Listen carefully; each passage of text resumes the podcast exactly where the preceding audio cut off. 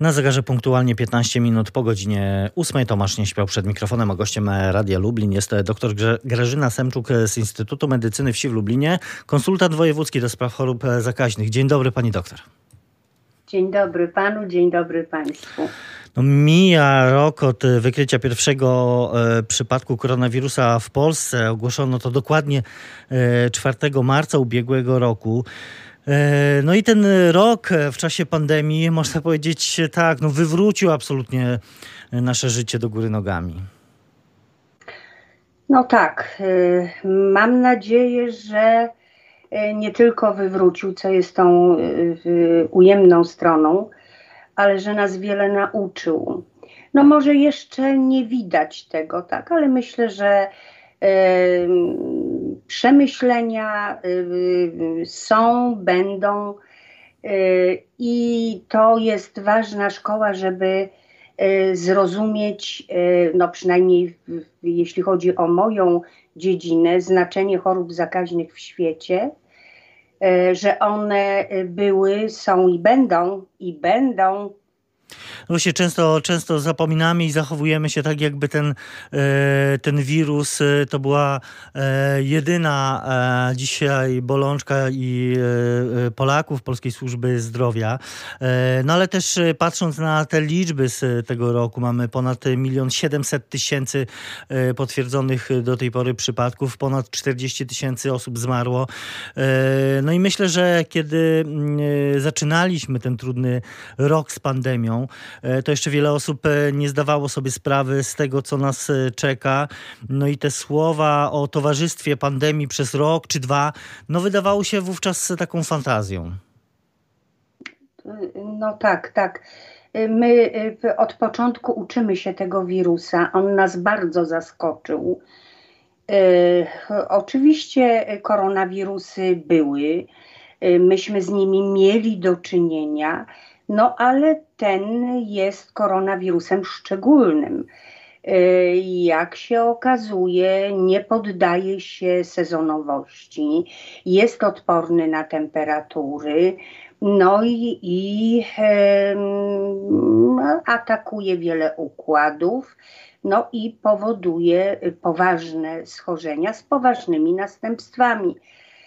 E, uczymy się go w tym sensie, że nie y, wiedzieliśmy dokładnie, y, jakie naprawdę są okresy zakażenia, jak długo y, trwa eliminacja wirusa, jak długo trwa zespół taki pochorobowy, jak wirus się szybko przemieszcza, jak licznie się namnaża. To wszystko dopiero wyszło w trakcie no, realnych zdarzeń, o realnego e, obserwowania wirusa i choroby. A jak, e, pani doktor, zdaniem pani radzimy sobie z pandemią? Oczywiście patrząc na to, co się wydarzyło, co się działo, czy dzieje od, od tego roku, no można powiedzieć, że Polska miała to szczęście, że nie znalazła się w tej pierwszej fali państw, do których dotarła epidemia. No nie oglądaliśmy w Polsce takich przypadków e, i obrazków z setkami czy tysiącami trumien, jak we Włoszech czy w Hiszpanii. Tak, tak, oczywiście.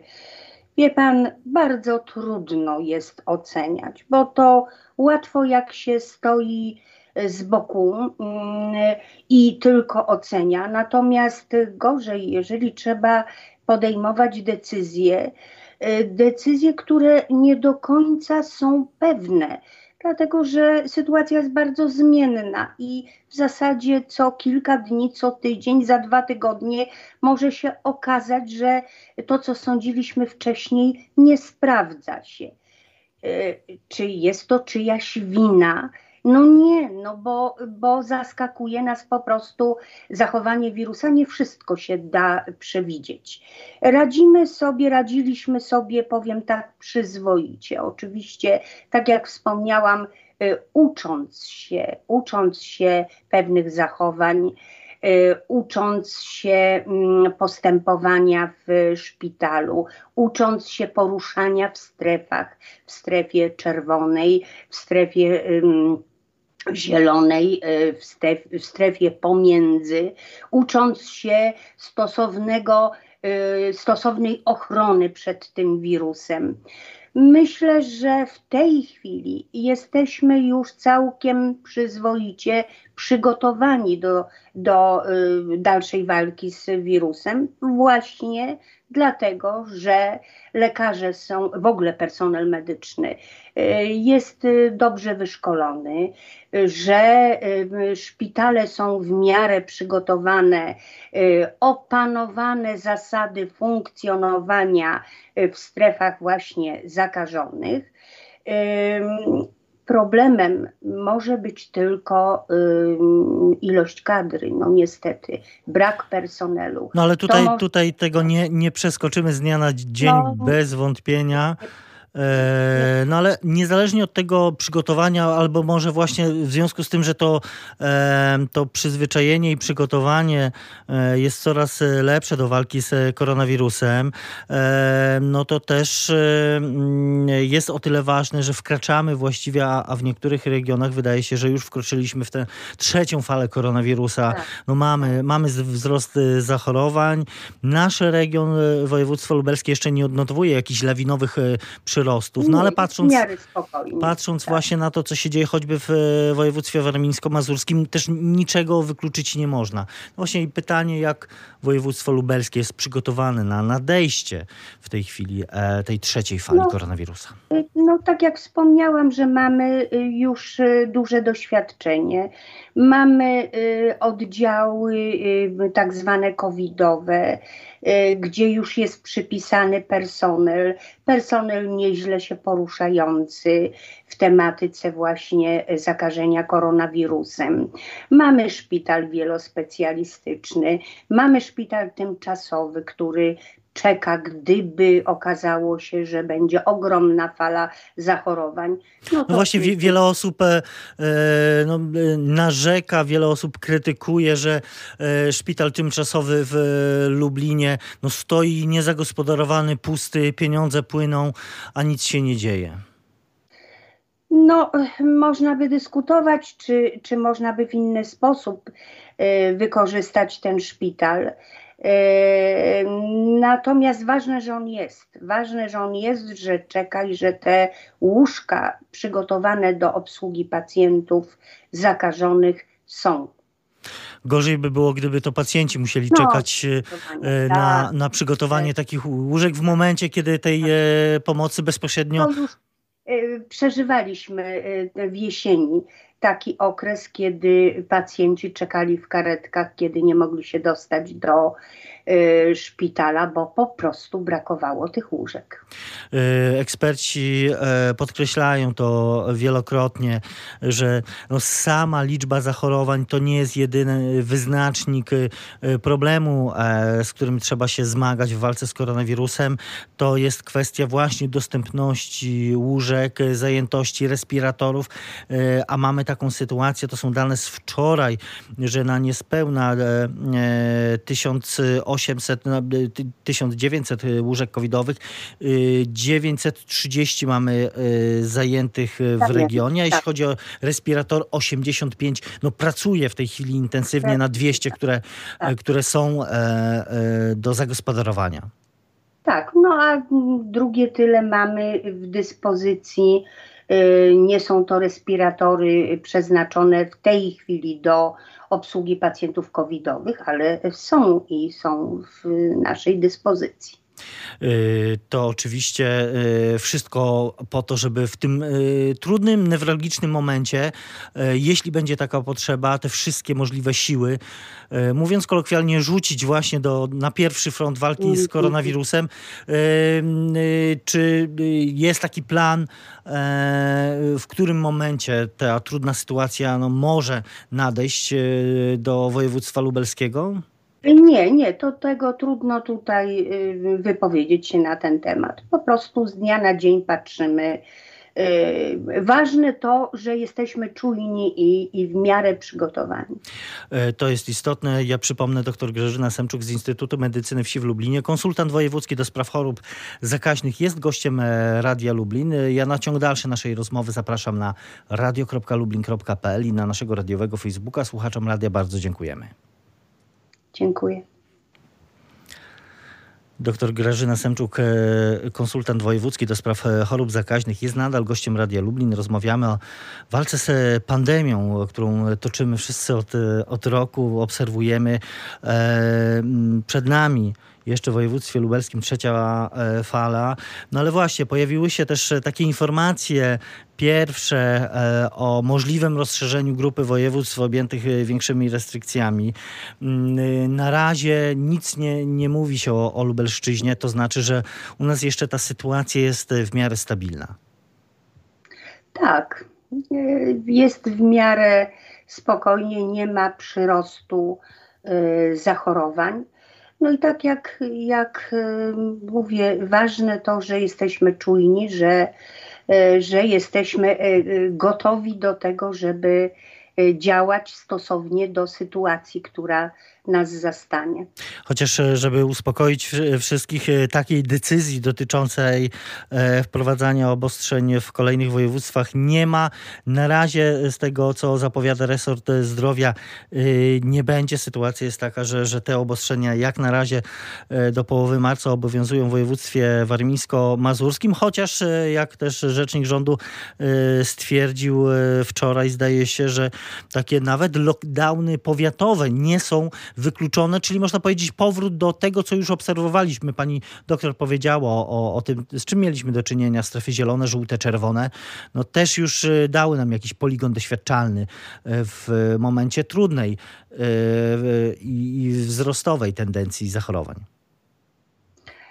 Ważne to, że szpitale są przygotowane, posiadają stosowny sprzęt że, pro, że już sprawnie po, prowadzą triaże, że diagnozują y, pacjentów tych covidowych, że ci pacjenci covidowi od razu trafiają y, do y, izolacji właśnie do oddziałów covidowych, że są stosownie leczeni, że mamy leki, którymi pomagamy pacjentom. Te leki są więcej, mniej, ale są dostępne wszędzie tam, gdzie oddziały covidowe są. Także no, ja jestem ja jestem pozytywnej myśli. Y, ta walka oczywiście toczy się na e, wielu frontach. Jednym z nich jest, e, można powiedzieć, program szczepień. No, w Polsce dotąd tak. 3, tak. ponad 3 miliony 300 tysięcy szczepień zostało wykonanych dwoma dawkami. Ponad milion osób już zaszczepionych. Pewnie chciałoby się mhm. więcej, ale, ale wszystko idzie do przodu. E, tak, e, no, oczywiście e, są różne rozmowy, jakie szczepionki, czy tylko jedną dawką, czy dwoma dawkami nadal, które, które szczepionki. Problemem oczywiście jest dostawa tych szczepionek, nie taka, jakbyśmy sobie życzyli, no ale te szczepienia postępują. No, co ważne, y, jak pamiętamy, y, jeszcze latem, czy, czy nawet wczesną jesienią, y, to zainteresowanie Polaków szczepieniami no było różne. Tak. Teraz widzimy, że, że te nastroje się zmieniły, no i to dobrze? No zdecydowanie. Wie pan, ja jestem ogromną zwolenniczką szczepień, dlatego że E, niejako w, w, we własnym doświadczeniu, w sensie pracy wielowieloletniej, e, widziałam e, efekt wprowadzania szczepień. No to nic nie jest mnie w stanie przekonać, że szczepionki mogą być jakimkolwiek zagrożeniem ważne, żeby szczepionki były skuteczne i żeby były bezpieczne. One muszą być dobrze przebadane. My musimy dostawać y, dobrą, dobry, sprawdzony produkt medyczny. Te szczepionki, którymi w tej chwili szczepimy, to znaczy firmy Pfizer, Moderna, AstraZeneca. To są dobre szczepionki, dają dobry efekt w sensie uodpornienia i są bezpieczne. Oczywiście. Co zresztą widać po, po tych danych, które przedstawia resort zdrowia, tak. że y, mamy nieco ponad 3,5 tysiąca działań niepożądanych odczynów tak. poszczepiennych, w większości łagodnych. No to przy One skali kilku milionów e, były, szczepień. Były i będą. Zależą odczyny poszczepienne, zależą od wielu czynników, od samej szczepionki, od indywidualnych własności y, osoby, pacjenta, od jego chorób y, współistniejącej, kondycji ogólnej w danym momencie szczepienia. Wiele spraw się na to składa, ale te powikłania, y, no, powikłania, odczyny poszczepienne były i będą, są miejscowe, są ogólne.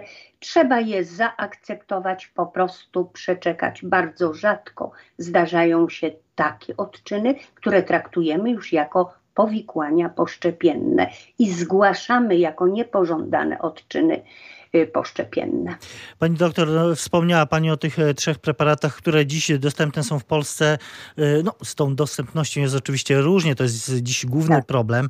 E, czy zatem powinniśmy szukać kolejnych szczepionek poza tym mechanizmem unijnym? No, w poniedziałek pojawiła się taka informacja, że prezydent Andrzej Duda rozmawiał z przywódcą Chin o możliwości zakupu tej chińskiej szczepionki.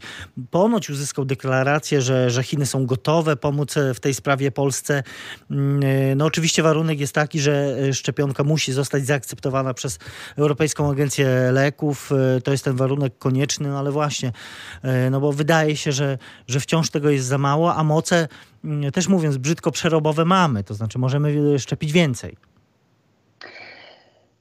Możemy szczepić więcej, ale tak właśnie jak wspomniałam, szczepionka musi być bezpieczna i musi nam dawać y, spodziewane efekty w postaci uodpornienia.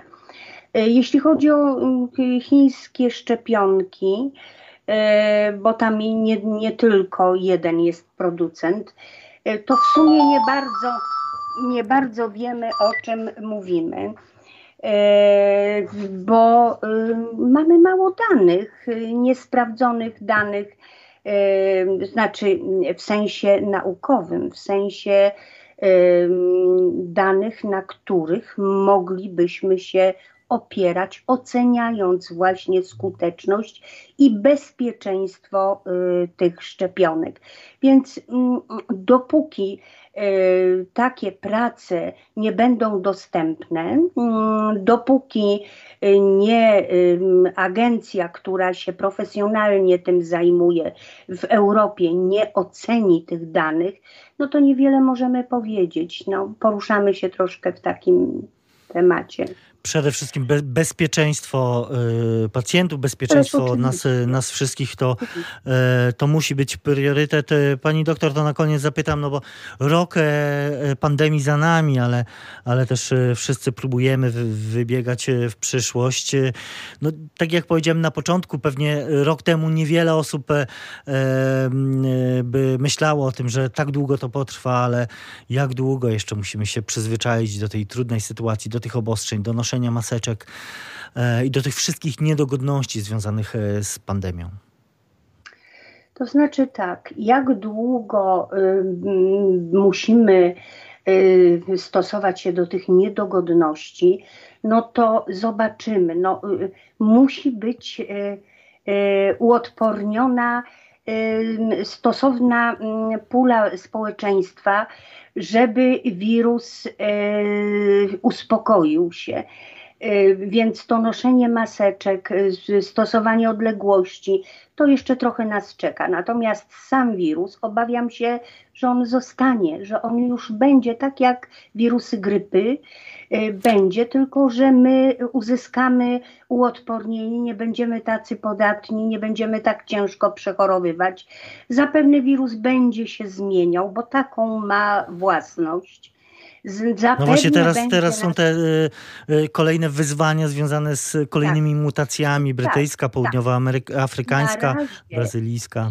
Na razie nie jest źle, dlatego że e, szczepionki, e, te, które są, zabezpieczają również przed wirusem E, tym B117 angielskim przede wszystkim, bo on już u nas w kraju jest i jest wiele zakażeń spowodowanych tym wirusem, a, a co jest niekorzystne, on znacznie łatwiej się rozprzestrzenia, znacznie łatwiej zakaża. Stąd wynikł ten problem, że musimy się bardziej zabezpieczać, czyli muszą być skuteczniejsze ochrony dróg oddechowych, nie w postaci szmatek, szaliczków czy y, osłon, tylko muszą być profesjonalne maseczki, począwszy od maseczek chirurgicznych, które są skuteczne, są, tylko trzeba pamiętać o zasadach, że trzeba je często zmieniać.